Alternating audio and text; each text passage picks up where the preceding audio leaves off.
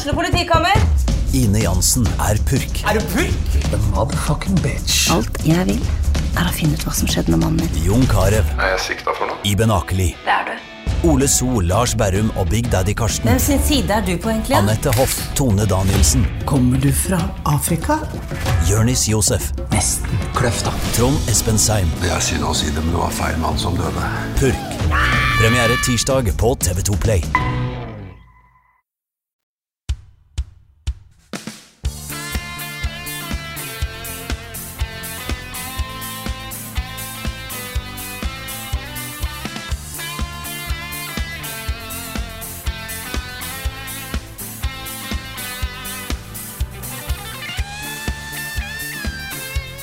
Nei, men hei igjen, dere. Det er fortsatt sommer, det er fortsatt varmt. Og da er vi kommet til del to av våre topp ti filmer her i Level Up-redaksjonen. Eller ikke alle i redaksjonen, da. Det er bare tre av oss akkurat nå. Men i forrige episode da, for en uke siden, så hørte vi topp ti filmene til Carl. Det var en veldig flott liste, Carl. Tusen takk. takk. kjempefin. Jeg er glad, glad for at dere likte den. I worked hard on it. Vet du hva, det syns. Ja, så bra. Og, og jeg, jeg, jeg prøvde liksom å forutse mye som skulle være der òg. Og det var ikke så lett. Nei, men det er, det er bra. Jeg liker å overraske. Altså, det var kult. Nei, og denne gangen, da, i episode to av Sommerspesial, så er det Rune sin tur til å snakke om sine topp ti filmer. Har du lagd lista ferdig? Ja, Lista er ferdig, men eh, den kommer jo aldri egentlig til å bli ferdig, da. Nei, det er noe med det. Men jeg, tror, jeg, er veld, jeg er veldig nysgjerrig nå, for jeg tror du har sett i hvert fall fem ganger flere filmer enn meg. Det kan godt tenkes. Det var en periode hvor, eh, hvor eh, jeg bodde på et sånn skikkelig kjipt studenthjem her i Oslo. Eh, Men det var 50 meter fra en Video Nova. Hvor, eh, hvor eh, jeg liksom prøvde å dekke over det kjipe livet mitt med å se film. Altså jeg så jo liksom én eller to filmer hver dag. Til Wow. slutt så hadde jeg sett nesten hele den videosjappa, ikke sant. Ja, Men den så- butikken, den var seigliva, altså. Ja, den var seigliva. Den, den ble lenge etter at alle andre videobutikker var lagt ned. Ja, de hadde jo først, tror jeg hadde de to etasjene på hjørnet i, i der. Og så ble det liksom bare andre etasje, og så til slutt så, så forsvant det. Men da var jo jeg flytta for lenge siden, så Mm. ja. Men uansett, jeg har sett mye film, er veldig glad i film. eh, Og det å lage da en topp ti-liste over de tingene man liker best, det er jo kjempevanskelig. Jeg syns det er vanskeligere nesten enn på spill.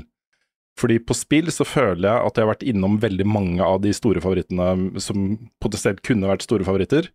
Åpenbart mange hull, selvfølgelig, men jeg har bedre oversikt. På film så har det, det så, jeg har så mange hull. Sånne vonde, kjipe hull som jeg burde ha tetta for lenge siden. da. Oh. Gaspar Noé, og det er, det er mye, da. Eh, så Nå um, så du snakke med, snakke med legen. ja, jeg skal prøve det. så jeg får begynne med å si da, at jeg har prioritert å lage en liste som er mine personlige favoritter. Ikke noe sånn eh, Jeg prøver ikke å snike inn noe sånn derre så, så kulturell jeg er-type filmer på min liste, liksom.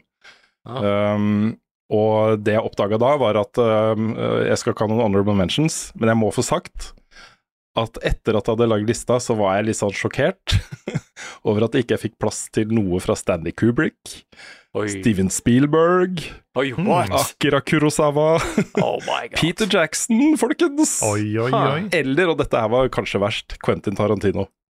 Mm. Så, så det, er, det ble en jeg- Lista overraska meg litt også. Dæven. Mm. Så um, jeg syns kanskje det har blitt en litt sånn kjedelig liste. Um, det, det, det må du ikke si, du må si at Nei. det er en dritkul, eksplosiv liste.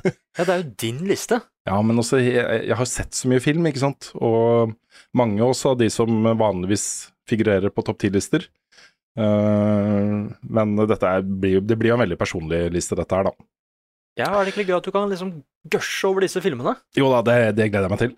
Um, så da blir liksom litt det spørsmålet før jeg innleder her, da. Det er, hvor er liksom klassikerne? Hvor er Gudfaren? Hvor er Gjøkeredet? Hvor er Chinatown? Network? Princess Bride? Ringenes herre? Er ikke der? Mm. Fy Det er sånn, jeg vet ikke. Jeg vet ikke. Ja, Det er, dette er i grenseland til honorable mentions, men, men Ja, nei, det er ikke det. Nei, ok. Det, det er ikke honorable mentions. Og så vil jeg også si at jeg har lagd en regel på min okay. liste. Én film per regissør. Ok, Eh, Og hvis jeg ikke hadde gjort det, så hadde hele lista vært Christopher Nolan og David Lynch. Ja. Um, og det er, det er liksom det, Særlig de to, og David Fincher. De tre regissørene er de jeg liker best. Og der hadde det flere av filmene fått, uh, fått plass, da. Så jeg lagde den regelen. Uh, bare deal with it. we'll try. Mm, og så har uh, ungene har jo sommerferie, så de har det gøy i bakgrunnen. Jeg håper ikke det forstyrrer opptaket for mye. Da kjører jeg i gang, folkens. Okay. Kjør på. jeg er spent. På tiendeplass har jeg Apocalypse Now. Oh. Ja. På norsk Apokalypse nå. Kom ut i 1979. Eh, regissert av Francis Ford Coppola. Eh, fun fact, den skulle egentlig ha blitt regissert av George Lucas, eh, med da Mm. Coppola som producer, eh, men så kom jo Star Wars da i 77 eller når det var, og så ble Lucas opptatt med andre ting. Eh, dette er jo en sånn ensemble-film. Massevis av kjente skuespillere. Martin Sheen spiller hovedrollen. Uh, Men du finner jo også Robert Duvall og Harrison Ford og Dennis Hopper, Scott Glenn, Ro- Lawrence uh, Fishburne og veldig mange andre kjente skuespillere, og ikke minst da også eh, Marlon Brando i rollen som general Kurtz. Og dette er en Vietnamfilm, eh, foregår under Vietnamkrigen, hvor da eh, Martin Sheens rollefigur skal da ekstrakte extracte eh, Kurtz, som har gått rogue, seila opp elva inn i Kambodsja og lagd seg sin eget lite palass og sitt eget lite samfunn der, da. Um, uh, ja. Det er basert på en, eh, en eh, eh, som heter Heart, Hearts of Darkness, eller Heart of Darkness. Som egentlig forteller litt den samme historie, men den foregår da i Afrika. Eh, Kongoelven isteden. Um, og dette er jo en film som Altså, det var altså så mange problemer da de lagde den. Eh, det har blitt en dokumentarfilm som heter Hearts of Darkness, A Filmmakers Apocalypse. Den kom i 91. Eh, og det var alt da fra at eh, når de skulle endelig da begynne å filme dette her, så møtte jo Brando opp veldig overvektig. og fullstendig uinteressert i å lese manus eller noen ting. Så han var liksom, han levde hele sin egen verden. Og det er jo brukt i filmen på en veldig kul måte, syns jeg. Um, det skulle egentlig uh, ta uh, fem måneder å spille den inn, men det tok over et år. Filmsettene ble rasert av naturødeleggelser og sånne ting opptil flere ganger. Eh, og i tillegg så døde neste, nesten av Martin Sheen av hjerteinfarkt under opptak. Oi, oi, oi. Så dette var en sann film, da. Ja, en cursed film. Ja, virkelig, altså. Men det er altså en så fascinerende film, og en så eh, Man blir liksom bare litt hypnotisert av, eh, av det som skjer der, hvor jævlig alt er. Mm. Og av da alle disse Vietnam-filmene som kom, så syns jeg dette er den beste. Det er den som på en måte dykker ordentlig ned i hvor jævlig alt var. Ja. Um, Det er jo mange ting som har vært inspirert av eh, Eller basert på Heart of Darkness. mm. Eh, Speck Up the Line også var jo, var jo det. Det er helt riktig. Det er helt riktig. Um, og det er uh, opp til i dag også, med de krigsrollene som USA har hatt, da, med soldater i andre land og historier som dukker opp om hva de har, hvordan de har tatt seg til rette der og, og uh, blitt litt gærne, rett og slett. Mm. Det er viktige historier å fortelle. Da. Så nå er ikke dette basert på en sann historie, men det er på en måte um, det å dykke ned i Vietnamkrigen på den måten. Mm. Uh, det er en kjerne av noe viktig og noe sant i det også, uansett. Ja, Mm. i hvert fall når du ser på hvordan eh, holdt på å si, amerikansk krigføring blir framstilt ellers på, Mm. på film og i spill og rundt omkring. Så er Ja. det et, eh, veldig, et, et, et veldig fint motsvar til det. Mm. Nei, dette er en uh, utrolig sterk film, altså. Så, så det er min tiendeplass. Okay. Jeg går videre til niendeplass, og det er egentlig um, tre filmer. Eh, altså, ikke, ikke egentlig, det er den beste av tre filmer. Det er en trilogi som heter uh, Vengeance-trilogien. Okay. Ok. Av en koreansk regissør som heter Park Chan-wook. Og en av de tre filmene er da Oldboy. Ja. Oldboy. Eh, De Mm. to andre filmene heter Mr. Vengeance og eh, eh, Lady Vengeance. De er også veldig, veldig bra, men det er tre separate historier. Det er mer en sånn trilogi med på en måte litt de samme temaene som utforskes, da. Og hovedpersonen her, han blir holdt fanga på et rom i 15 år. Og han går litt gæren. Det eneste han har som selskap, er en sånn farge-TV, så han sitter og ser på Uh, Litt sånn obsessiv, ser på TV, da. Eh, og så blir han på mystisk vis, da, eh, uten noen forklaring, sluppet fri. eh, med instruksjoner om hvordan han kan ta hevn. Så det er en hevnhistorie. Og det er også så mange ikoniske scener. Vi snakka litt om det i forbindelse med Sifu. Den sekvensen hvor han slåss i 2D langs en gang, liksom. Det er jo henta rett ut fra Oldboy. Mm. Eh, og han er jo gæren, liksom. Han er gæren. Um, en av de andre kjente scenene fra filmen er hvor han spiser en levende blekksprut. Og det er jo vanlig, eh, da veldig var det i hvert fall det, på den tiden i, i Korea, men ikke fullt så vanlig i resten av verden. Eh, og for å få til dette, så måtte han spise tre hele blekkspruter før opptaket satt, da. Men det er, ikke, altså, det er ikke filmtriks, han sitter og faktisk spiser en levende, ekte blekksprut i filmen. Hei, det er ikke bra. Men dette er jo en sånn stor inspirasjonskilde for veldig mange, inkludert Quentin Tarantino og alle som Ja, lager litt sånn uh, Man on Fire, den type historier, da, hevnhistorier. De har sett Oldboy også, og det er eh, Jeg vil jo si at Kurosawa er kanskje kongen av det. eh, Akira Kurosawa. Mm. Så Oldboy er inspirert av det igjen. Men dette er på en måte den moderne hevnhistorien. Nei, det er, det er ingen som har gjort det bedre enn Oldboy. Det- Jeg syns det er en fantastisk bra film også. Nei, og det, er, og det er et så perfekt bevis på at det er For det er jo basert på en manga. Mm. Det er mulig å lage en god adopsjon av det, altså. Mm. Som, og den er, ikke, den er ikke helt basert på det, den tar visse friheter, liksom. Ja. Men det er friheter som funker så mye bedre på film. Mm. De har liksom skreddersydd det så at det skal passe perfekt som en film, og ikke bare dratt det direkte fra mangaen. Mm. Nei, så jeg eh, Veldig god film. Ja, den er bra, altså. Jeg går videre til en annen hevnhistorie på åttendeplass. Eller en hevnhistorie med um, på en måte et litt annet utgangspunkt. uh, og det er Unforgiven. Ah. Nådeløse menn på norsk, 1992. Uh, regi Clint Eastwood. Uh, og det er litt morsomt, manusforfatter her er David Peoples, som også skrev manuset, eller var med på å skrive manuset til Blade Runner og Twelve Monkeys. Ah. Uh, dette er jo en film som blir eh, først og fremst regna som et litt sånn oppgjør med romantiseringen av Det ville vesten, som jo Clint Eastwood eh, var, og i aller høyeste grad en del av, med alle disse spagetti western-filmene og sånt, hvor kult det var, og hvor ikke sant, den eh, navnløse mannen som bare går rundt og plaffer løs og er kul, liksom. Eh, dette er jo en veldig, veldig nær eh, og realistisk fortalt historie, hvor Clint Eastwoods rollefigur jo har vært sånn. Han har vært en gunslinger, liksom. Trukket seg tilbake og tatt avstand da fra det livet. Um, og så skjer det noe, da. Det er en, eh, en dame som blir uh, mishandla av noen uh, slemme menn. Uh, og eh, de andre prostituerte da, som hun jobbet med, eh, prøver å betale noen for å ta hevn for de.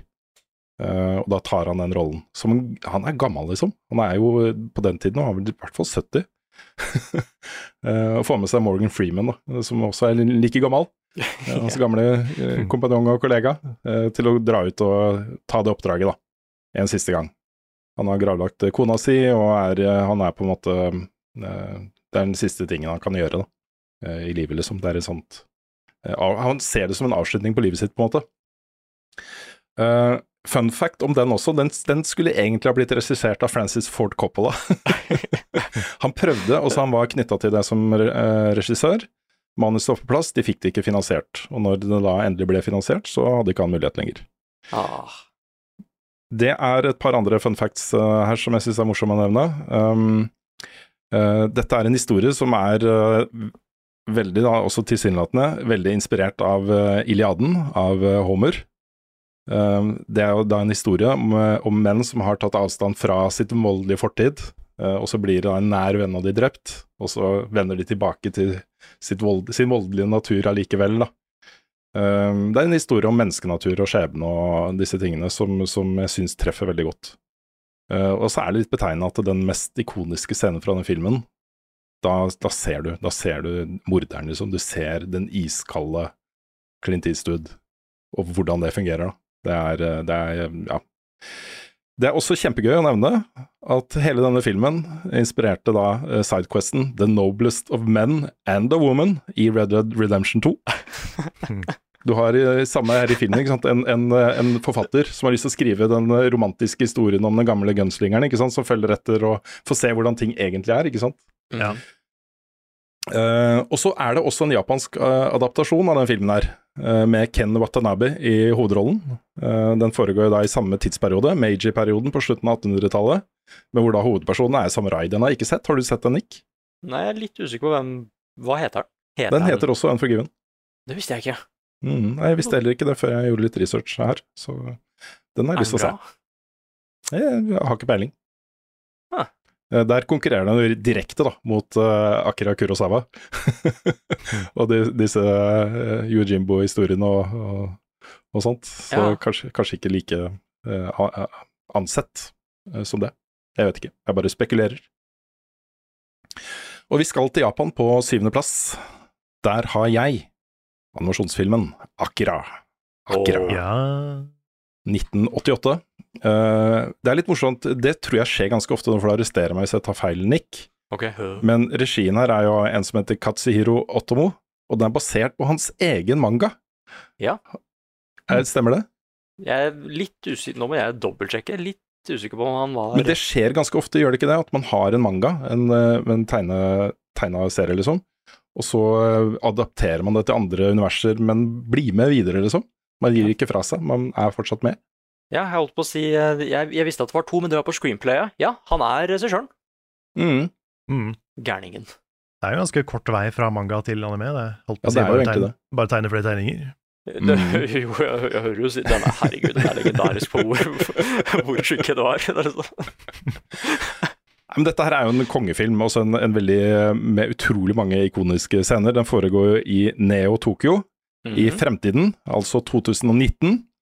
Å, Herregud. Ja. Å, det er så mange av de, altså. Som uh, Kronotrigger, verdens undergang i 1999. Ikke sant?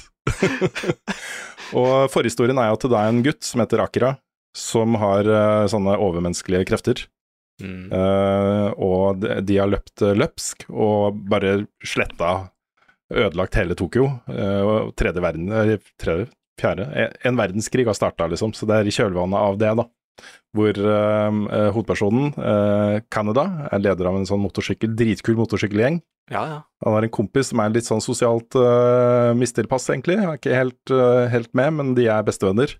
Ja. Som heter Tetso. som da viser seg at han har de samme kreftene som Aker hadde. Mm. Og da er det en sånn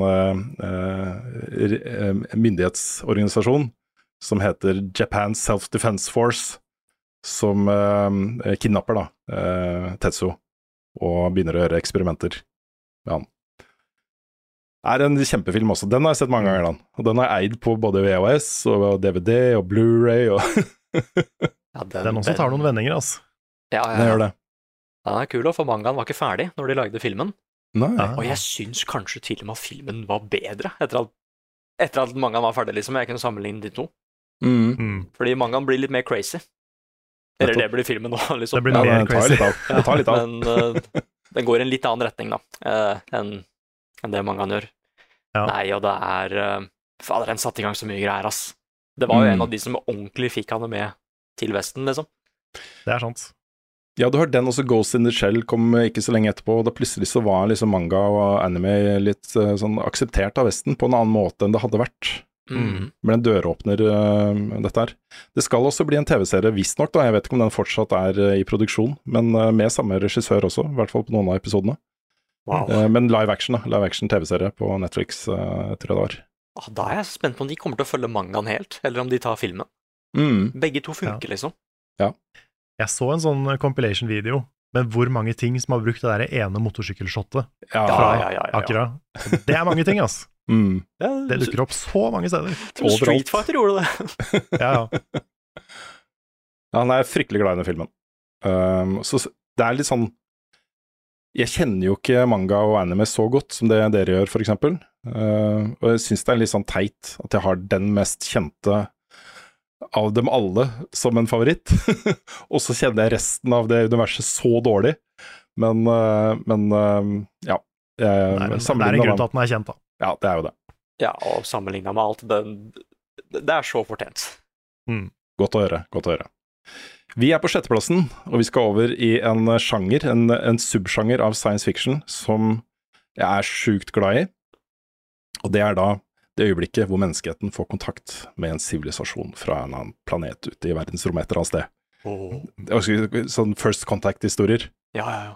Og dette er da en film som har da i praksis tatt plassen til nærkontakt av tredje grad, og for så vidt også Arrival, som er en annen veldig, veldig god first Og jeg, jeg, contact-film. jeg trodde du skulle si Arrival. ja. Men dette er da filmen Contact. Yeah. Ja. 1997. Heter Kontakt på norsk. ja. Det, det blir ikke like kult, altså. Stikkontakt. Regissert av Robert Zemeckis, som jo har lagd mye annet bra. Tilbake til fremtiden og tjo og hei. Eh, den er basert på en bok av eh, Eller egentlig et, eh, et sånn derre proof of concept, altså en idé, en skisse, av astrofysiker Carl Sagan. Det tok så lang tid å lage filmen at han skrev boka, så, så derfor så kan man si den er basert på en bok. Boka kom ut før filmen. Eh, med da Jodie Foster i hovedrollen som en som jobber på uh, det som heter SETI, som er et prosjekt, Search for Extraterrestrial Intelligence. Det prosjektet er et ekte prosjekt. Det er masse sånne antenner rundt omkring i verden som bare lytter på verdensrommet Mm. og ser om du kan få noe intelligent, et eller annet som, som signaliserer da intelligent liv tilbake.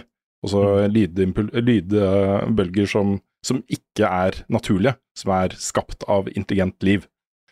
Uh, og dette forteller da historien om da de finner det. Eh, det er da et signal som går i loop, sendt fra, eh, fra Vega, et stjernesystem som er eh, overraskende nærme jorda.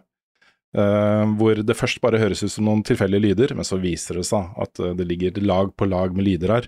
Og når de eh, tolker fram de lydene og analyserer de, så finner de ut at det er instruksjoner til å bygge en maskin. Wow. Bygge, ikke sant? Ah. Skal ikke si noe mer enn det, men dette her er altså en så bra film, uh, med den, den blir liksom litt sånn cheesy, særlig mot slutten, eh, og det er noe som mange vet, jeg vet mange ikke liker det, men jeg digger det.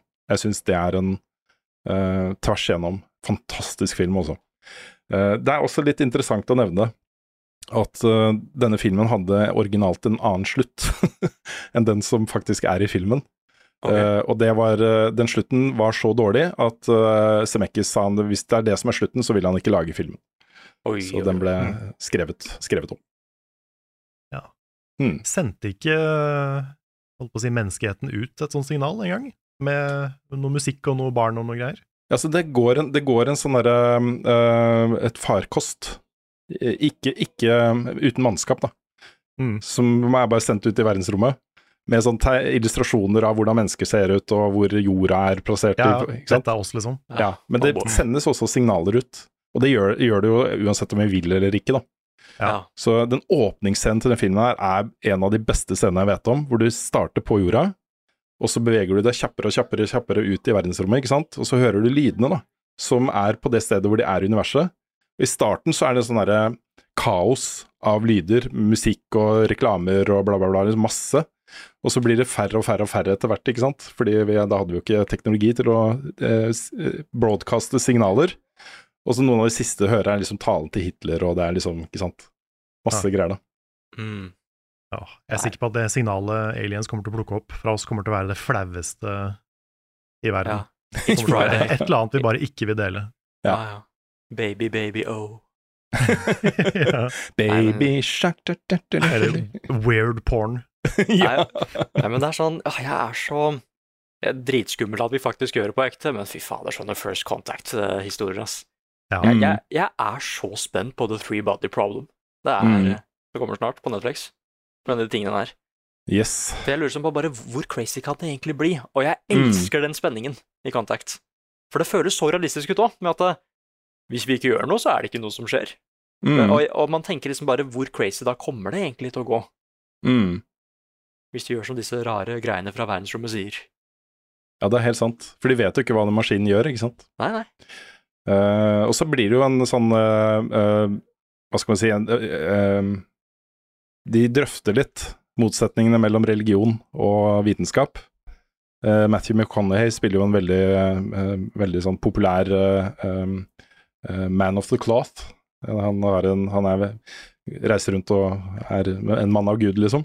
Mm. som allikevel da, blir engasjert i prosjektet til Jodie Foster her. Eh, det er et så interessant sideelement, og Carl Sagen selv mener jo at eh, religion og vitenskap kan koeksistere. Det er litt av utgangspunktet for at han skrev den historien. Men ok, vi går videre. Det, er mulig at det blir mer science fiction på min eh, liste, for å si det sånn. Okay. Ok. For eksempel på femteplass. Og der Strengt tatt så burde jeg hatt oppfølgeren her, men den første filmen fortjener plassen mest. Sånn er det jo litt, da, med serier, ikke sant. Mm. Men det er da Alien, Ja. som på norsk heter Alien. Den åttende passasjeren. Er, Jeg syns det er litt morsomt, noen av disse titlene der. Ja. Den kom i 1979, regi av Ridley Scott, eh, med da selvfølgelig Sigourney Weaver i hovedrollen. Den ikoniske hovedrollen eh, som Ripley. mm. Um, det er en del morsomme ting med den filmen som jeg, som, som jeg syns er verdt å nevne. Blant annet at, at dette var jo opprinnelig egentlig to manus. Um, uh, han som har uh, skrevet det manuset, Dan O'Bannon, uh, en av de da, som har skrevet det manuset. Han hadde starten, på en måte. Altså en crew som våkner opp etter cryosleep på et fremmed sted, og så visste han ikke helt hva, hva mer som skulle skje der, da. Uh, og så var, hadde han et annet manus om gremlins som invaderer et bombefly under andre verdenskrig. Ja, Så kombinerte han de, og så ble det da uh, denne historien om, uh, um, om miningskipet miningsskipet Nostromo, og der har det skjedd noe, du ankommer, og det er et nødsignal, ikke sant. De vekkes fra Chrysler av et nødsignal fra Nostromo, Mm. går om bord for å utforske, og så går ting litt gærent, da. Ja. Um, Uh, og så var det i tillegg, også dette var i 1979, uh, ingen stemning i Hollywood i det hele tatt for å lage science fiction, før da Star Wars. Så Star Wars er grunnen til at denne filmen ble laget. Det eneste manuset, sci-fi-manuset, som 20th Century Fox hadde på skrivebordet sitt etter suksessen med Star Wars, det var Alien. Så da ble den greenlighta, og så fikk de lov til å lage den. Ehm, dessuten, da, så altså, det, har jo, eh, det er jo godt kjent at eh, selve Alien-monsteret er jo designa av HR Geiger. Ja, ja. Eller Giger. Giger er vel det, Mhm. han er østerriksk eller noe sånt. Um, og det er, veldig, det er veldig konkret. Altså Mye av filmen ble skapt fordi um, Og banden var på en utstilling med kunst av Giger. Og da var Det var den siste brikken som falt på plass i historien hans, ikke sant. Og så ble det da Alien-monsteret. Hmm. Det er en serie som, eh, som jo har fått veldig mange oppfølgere. Eh, jeg skal snakke litt mer om en av de etterpå, men, eh, men eh, særlig de to første filmene her er, eh, er udiskutable klassikere også. Mm. Dritbra. Jeg holdt på å si, hva, hva syns du om Prometheus? Jeg likte den. Det, jeg setter den ikke like høyt som Alien og Aliens, Mm. men jeg likte den bedre enn mange andre gjør. Ja, Det er jeg, noe et eller annet Ja.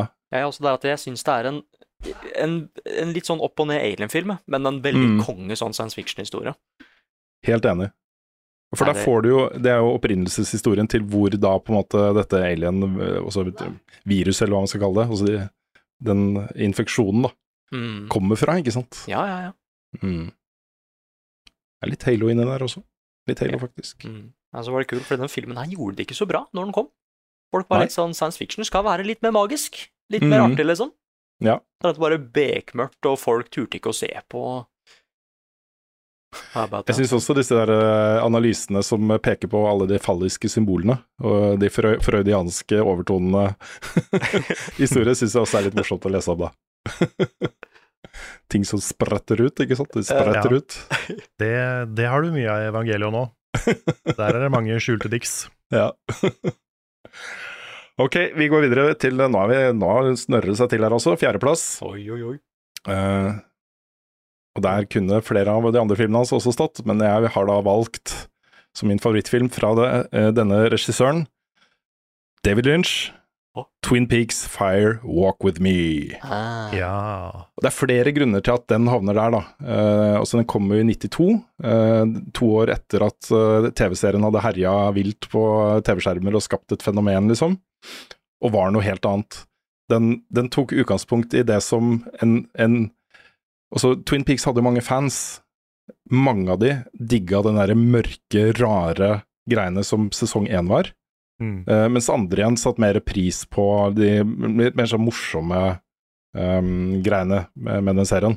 Dette er jo en sånn her rendyrker du det fæle, Mm. og lager da forhistorien, den siste uka, til Laura Palmer. De siste dagene i hennes liv, og eh, da før hun ender opp i, pakka inn i plast i starten av første episode av TV-serien. Um, det at uh, det at uh, sesong to av Twin Peaks ble så variabelt mottatt, ikke bare av uh, TV-seere, altså de droppa jo av, ratinga på serien sank og sank og sank gjennom sesong to, men også av skuespillerne, gjorde jo at mange av de skuespillerne fra TV-serien ikke ville være med på filmen. For de var, de var så skuffa over at, uh, at Lynch og Frost hadde bare forlatt eh, TV-seriesettet og lot de seile sin egen sjø. Um, Så de trodde ikke helt på at dette kunne bli et, eh, et eh, prosjekt som de hadde lyst til å være med på, da. Eh, men flere er jo med, inkludert da selvfølgelig Cheryl Lee, som syntes det var kjempegøy å få lov til å faktisk spille Laura Palmer i live. Uh, Ja, ikke bare et lik, liksom. Ja, eller uh, som hennes eh, kusine, som tilfeldigvis var helt lik. Mm. Um, og faren hennes, spilt av Ray Wise, er jo selvfølgelig også med. Men så blir da Chris Isaac introdusert som spesialagent fra FBI istedenfor Dale Cooper, for han ville ikke være med. Han, eh, han sa til slutt ja til å bli med, da, Kyle MacLachlan, -hmm. men det er bare på betingelsen at de skrev ned rollen hans. At den Ja. bare var lite grann, liksom. Uh, og så har også David Bowie en veldig kul uh, sånn birolle her, som, uh, som er dritstilig. Det skulle opprinnelig være tre filmer, dette her. De hadde kontrakt på det, at de skulle lage tre Twin Peaks-filmer. Men da tror jeg de gikk lei på alvor. Jeg tror de bare droppa De, de følte seg ikke ferdig med universet, og det fikk vi jo se da, med den nye sesongen av Twin Peaks. Men, uh, men det ble da denne ene filmen. Og jeg syns altså denne filmen er så god. Uh, du vet jo hvor det havner, du vet hvor det ender, ikke sant? Mm. Men det blir fortalt da mye mer som et sånt uh, overnaturlig um, seriemordermysterium, på en måte. Mm. Um, i, I mer sånn fokusert grad da, enn det TV-serien var, hvor du fikk ledetråder underveis, ikke sant. Ja. Og den gjør mye av det som bare var hinta om i serien, Mm, til noe veldig, veldig real. Ja. Den er utrolig fæl og mørk, veldig. og det jeg husker etter at jeg så den, så var det sånn Da, da var jeg litt utafor, liksom. Mm. Jeg, jeg kjente at den var ganske sånn fæl, grusom. Ja, den er det. Og det er jo, tematikken her er jo eh, jeg, jeg har ikke lyst til å spoile hva det er, i tilfelle noen ikke har sett det. Nei. Men også hvem som er morderen og, og de tingene der, er jo Det skal jo være fælt. Ja. Det skal det. Ja, det er ganske sånn Det går direkte inn på temaet. Mm, det gjør det. Kan også nevne da at, øh, at øh, jeg er fryktelig, fryktelig, fryktelig glad i Wild at Heart og Blue Velvet også. Det er de to andre favorittfilmene mine fra David Lynch. Så øh, hadde jeg lagd en, en helt ærlig da, topp ti-liste med ingen begrensninger på antall filmer per regissør, så ville i hvert fall de to også vært der. Kanskje også Mulholland øh, Drive. Å ja. Mm. Har de sagt noe om hva de to andre Twin Peaks-filmene skulle handle om? Det er helt sikkert øh, det som vi ser deler av, i hvert fall, i TV-serien. Den øh, nye sesongen. Ok. Nei, Tror jeg. sett uh, Twin Peaks. Har ikke gjort det. Det er en, eh, den er verdt å se. De, de første, de gamle sesongene er veldig sånn gammel TV, Mm. Mm, så det er et helt annet tempo enn det vi er vant til nå, mm. men uh, det er fortsatt veldig bra. Og den nye sesongen er noe av det rareste jeg har sett på TV. Ja, det toppa jo min da vi hadde topp ti TV-serier, så var det Twin Peaks på topp for meg der. Mm. Ah, kult. Mm. Men jeg føler at sesong tre er sånn det motsatte av sesong én og to, hvor Mm. sesong én og to er liksom Det er en dramaserie med noe rart på sida, Mm. mens sesong tre er det rare med en dramaserie på sida. Okay. Ja. Det er litt riktig, altså. Mer eksperimentell Mm. Mye og mer. mer abstrakt. Og David Lynch er jo kjent for det. Det er også det å, det å tolke Mulholland Drive, for eksempel, det er ikke så lett, altså. Det er ikke det. Many have tried. Mm, Many have tried. Da er vi på topp tre, folkens. Ja. Okay. Uh, dette er tre uh, ja, bra filmer. Jeg begynner på tredjeplass med Seven. Oh. Seven. Mm. David Fincher, 1995. Eh, det er også litt morsomt å nevne at eh, screenplayet her er av en som heter Andrew Kevin Walker. Det er basert på at han flytta til New York fra en, et sted som var litt mer koselig. eh, og fikk se liksom på skyggesiden av, av eh, ting. Og så, så ble det da det derre helvete på jord som denne byen er i, i filmen. Han skriver ut mye gørr her, altså. Ikke så glad i New York. Hmm? Han var ikke så glad i New York. Han var ikke det, det tydeligvis. Men det som er litt morsomt å nevne her, er at eh, Fincher og Walker gjenforenes nå i november på Netflix med filmen The Killer, som er basert på en fransk graphic novel-serie eh, med Michael Fassbender i hovedrollen. Det er jeg spent på, altså. Mm. Og Det er var fra da han flytta til New Jersey. da hadde han flytta til New Jersey. Dette er jo en historie som forteller da uh, eh, Det forteller da historien om eh, etterforskerne uh, spilt av Morgan Freeman og Brad Pitt. Eh, det er en seriemorder som baserer seg på, viser det seg etter hvert, de syv dødssynder. Alle mordene han gjør, er eh, inspirert av hver sin dødssynd. Eh, og eh, det, er også, det er også så blik og så mørkt og så ille Og det blir liksom bare verre og verre. Um, men plottet og måten det er skrevet på, eh, måten det gradvis avdekkes hva som ligger bak her, og dette store, store mysteriet om hvem morderen faktisk er, er også Det er så fascinerende. Det er så fascinerende. Jeg er så glad i den filmen. Um, dette var jo den første ordentlige filmen til Fincher, og grunnen til at jeg sier første ordentlige filmen, er fordi den filmen han lagde lagd før, var uh, Aliens 3. Oi. Ja, nå nå skjønner jeg hva han snakker om. Ja, han hata den så mye at han har sagt i et intervju jeg vil heller dø av tarmkreft enn å lage en film til. Oi. Oi. Så han var så, han, det var en så ubehagelig opplevelse for han at han ikke hadde lyst til å lage flere filmer. Og før Ja. det hadde han bare lagd eh, musikkvideoer og sånne ting. Så, så det at han fikk dette manuset i fanget og, og fikk en connection til det på den måten han gjorde, det skapte jo en av de beste og mest imponerende filmkarrierene eh, av dem alle, liksom. Han har jo senere lagd eh, Fight Club, The Game, Social Network eh, og flere andre filmer. Blitt på en måte en av de store, da. Så eh, jeg er glad for at han eh, fikk med seg dette manuset her. Jeg har også lyst til å trekke fram rulleteksten, eller også eh, introsekvensen og rulleteksten her, som er designa av en, eh, en designer som heter eh, Kyle Cooper. Eh, og det skapte jo en helt ny trend innen credits design, eh, og innen grafisk design generelt. Jeg husker jeg gikk eh, På den tida så hadde jeg vært litt på Central St. Martin, gått noen kurs der, som er en av de, mest kjente eh, graf, eh, grafisk design-skolene i verden. Den ligger i London. Og jeg husker liksom alle gikk rundt og leste bøker med eksempler på design lagd av Kyle Cooper. Han var liksom den store stjernen på den tida, da. Og har på en måte lagd en helt ny retning innen design også. Så jeg husker at jeg så den her på Klingeberg Og jeg husker så godt at da rulleteksten kom, så gikk den feil vei. Rulleteksten gikk feil vei. Oi. Den gikk den andre veien. Den pleier, pleier å komme fra bånn og gå oppover, ikke sant? Men den kom fra Mm. toppen, og så gikk den nedover. The Nerve. Ja, det, det var liksom en sånn punktum på opplevelsen som gjorde at jeg gikk ut av den salen og var sånn oh, holy shit. det er gøy hvis det er sånn det eneste du sier til han der Rulleteksten gikk feil vei! ja, ja, ja, det gjør det. det er sånn, Åssen var filmen? Nei, den var kul, rulleteksten gikk feil vei. Mm. Jeg er også fryktelig glad i det fight, særlig Fight Club og The Game, de to andre eh, de, det han fulgte opp med. Det var back to back, liksom. Å lage Seven, Fight Club og The Game er ikke mange andre regissører som har en sånn historie å vise til. Ja, det har godt det? gjort, ass. Mm. På andreplass, ned fra førsteplass, må jeg nesten si, da. Oi. Dette er den Mm. filmen som jeg i nå, eh, skal vi se over 20 år har regna som den beste filmen jeg har sett noen gang. The Matrix. Oi, The oi, oi. Matrix. The Matrix. Den er jo skrevet og regissert av uh, Wachowskis uh, søstrene, nå søstrene. Um, det, dette rollen som Neo ble opprinnelig tilbudt uh, Will Smith. Ja, Han takka nei Stemmer. og lagde Wild Wild West isteden. det er han sikkert veldig fornøyd med nå. Ja, ja. og Val Kilmer skulle spille Morpheus. Mm. Det var, det var planen. Um, dette er jo en, eh, en science fiction-film, dette også. En uh, historie som da er nok de fleste kjenner til. Handler om The Matrix, som er en, en uh, maskinskapt konstruksjon som skal holde menneskeheten i sjakk. De ligger, ligger i sånne poder og blir brukt som batterier for da maskiner og kunstig intelligens. Og for å akseptere å ligge i disse podene, så blir de da introdusert inn i en virtuell verden, hvor de tror de Det det, det, er det de tror er virkeligheten.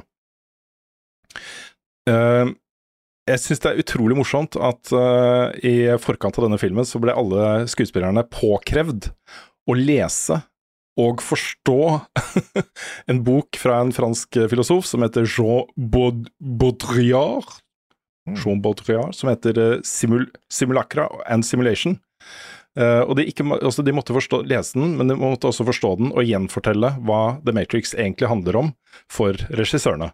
Wow. Det er litt morsomt. Så Særlig Carrie Ann Moss har vel uttalt at hun syntes det var fryktelig vanskelig med Keanu Reeves. Tok utfordringen på strak arm. og uh, i påfølgende filmer så er det jo det som tar uh, eh, førersetet.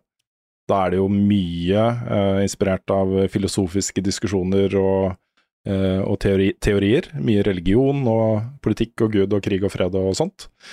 Um, men den første filmen er fengende på en måte som bare sånne heltereisefilmer kan være. Den derre reisen Neo går gjennom uh, for Mm. å bli the one, Mm. er, er kruttsterk, altså. Kjempebra. Um, kan også nevne da at eh, den franske filosofen eh, eh, har jo da uttalt at The Matrix misforstår hva han egentlig mener, og har uh, forkludra arbeidet hans. Oi, Å nei, det, det er kult når du er inspirert av en Ja. filosof. altså alle Ja. tolka det feil? Alle tolka det feil. Wow. Ha. Vi er på førsteplassen, Ok, og det ble sikrere for hver gang jeg ser den. Den har jeg sett mange ganger nå. Christopher Nolans Interstellar. Interstellar. oi, oi, oi. oi. Mm. Ah, kult. Det er også, det er også Den trigger alle de riktige tingene i meg. Um, vi er jo da i uh, fremtiden, som fortsatt er fremtiden for oss. 2067 foregår dette her i. Mm. Eh, klimaødeleggelser har, eh, har gjort at jorda er i ferd med å gå under. Matthew McConney spiller den tidligere NASA-piloten Cooper, som eh, nå må bare konsentrere seg om eh, det som må til da, for å overleve. Det er eh, jordbruk, og det også er i ferd med å feile, så nå er det like før slutten. Så viser det seg da at NASA er ikke død, de har et prosjekt på gang. De har tidligere sendt ut noen astronauter gjennom et ormhull de har funnet ved utkanten av solsystemet vårt, for å lete etter beboelige planeter. Åh, det er så fett. Det er så fett, og de skal sende da ut en pilot til, eller også et crew til, for å finne ut hvilke av disse planetene som de faktisk skal da sende menneskeheten til, når jorda går under. For alvor, liksom. Og hele konseptet i seg selv, da, med ormhull og andre planeter og alt dette, det er også jeg, Øh, det, er så, det er så bra. Det er så bra. Um, jeg, eh, det er en som heter um, eh, Kip Thorne, som er en uh, teoretisk uh, fysiker på Caltech i USA, som har fungert da som rådgiver på dette, denne filmen her. Um, han har også vunnet nobelpris for fysikk, Oi. og det se, du, du ser liksom at de har anstrengt seg virkelig da, for å bruke uh, vitenskapelige teorier for å lage da, sorte hull, for å lage ormhull, for å se på hvordan tid påvirker. Også det er så mange av disse elementene som, eh, som eh, er litt sånn NASA-basert. Altså det, det kunne, kunne faktisk vært sånn da i 2067, ikke sant. Um, han har også lagd da en eh, egen bok som heter The Science of Interstellar, som jeg ikke har lest, men som jeg har veldig lyst til å lese. Uh, og så er det litt morsomt å nevne at konseptet bak Interstellar, før da Christopher Nolan og broren hans eh, Jonathan satte seg ned for å skrive manus, eh, er jo da utvikla av Kip Thorne, eh, han eh, fiskeren, og produser producer Linda Obst. Um, de samarbeida også med filmen Contact, og de møtte hverandre da Carl Sagan arrangerte en blind date mellom de to. Oi. Sånn de møtte hverandre. Det er sånn- Verden er liten. ja, verden er liten, altså. Men det er mye science fiction på lista mi, og det er jo eh, de som har fulgt med Level Up en stund, de, de er kanskje ikke overrasket over det. Men dette her er en sånn, og jeg er så glad for at jeg har sett den på kino flere ganger. Det var en sånn Christopher Nolan-festival i forbindelse med Tenet, hvor de viste den på Imax. Mm. Så viste de Interstellar og Inception, um, og Dark, uh, første Batman-filmen hans. Uh, og det, så Dette er en kinofilm, altså. Jeg er så glad for at jeg har sett den flere ganger på kino, og til og med på Imax. Så det var min liste. Ja, det er All right. kongeliste, altså. Det var en veldig bra liste. Tusen takk. Dette er en bra filmer også. Så um, jeg kjenner at det er flere av de jeg har lyst til å se igjen nå, nå som jeg snakka om det. Og brakk de fram i hukommelsen på, på denne måten. Yeah. Mm. Det var ikke alle jeg hadde sett, men jeg har sett i hvert fall halvparten, så det er, det er noe. Ja, men det er bra. Mm. Jeg tror jeg har sett alle unntatt Goofy Movie på din, Ja. men da har jeg sett uh, mockumentaryen i- isteden, da. Som Ja, også er ja. det er nok. Det er nok. Nå er jeg dritspent på din liste, altså, Nick. Ja, fordi veldig spent på din liste. Neste kurs er meg. Du er jo den av oss som er mest opptatt av film, og som Mhm. sier du har lyst til å bli filmregissør og alt sånt der. Det ligger litt press på deg her nå, altså. Ja, oh boy. Ja. Ja. Men jeg tror, jeg tror dette skal gå helt fint. Verst at når du Ja, sa det det, så bare nå ser jeg på lista mi bare Ja, jeg, jeg, jeg, jeg, tror- jeg, jeg tror det skal gå greit. Jeg tror det skal gå bra. Ja, dette er første dagen i resten av karrieren din. Ja du.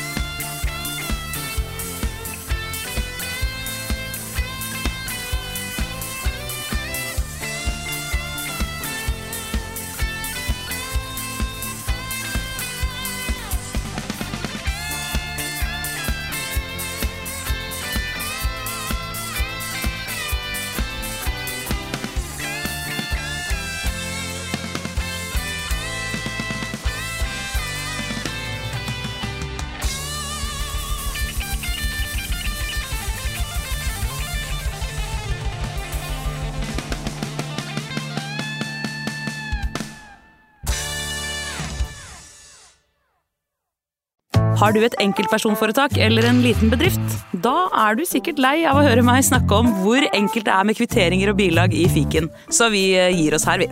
Fordi vi liker enkelt. Fiken superenkelt regnskap.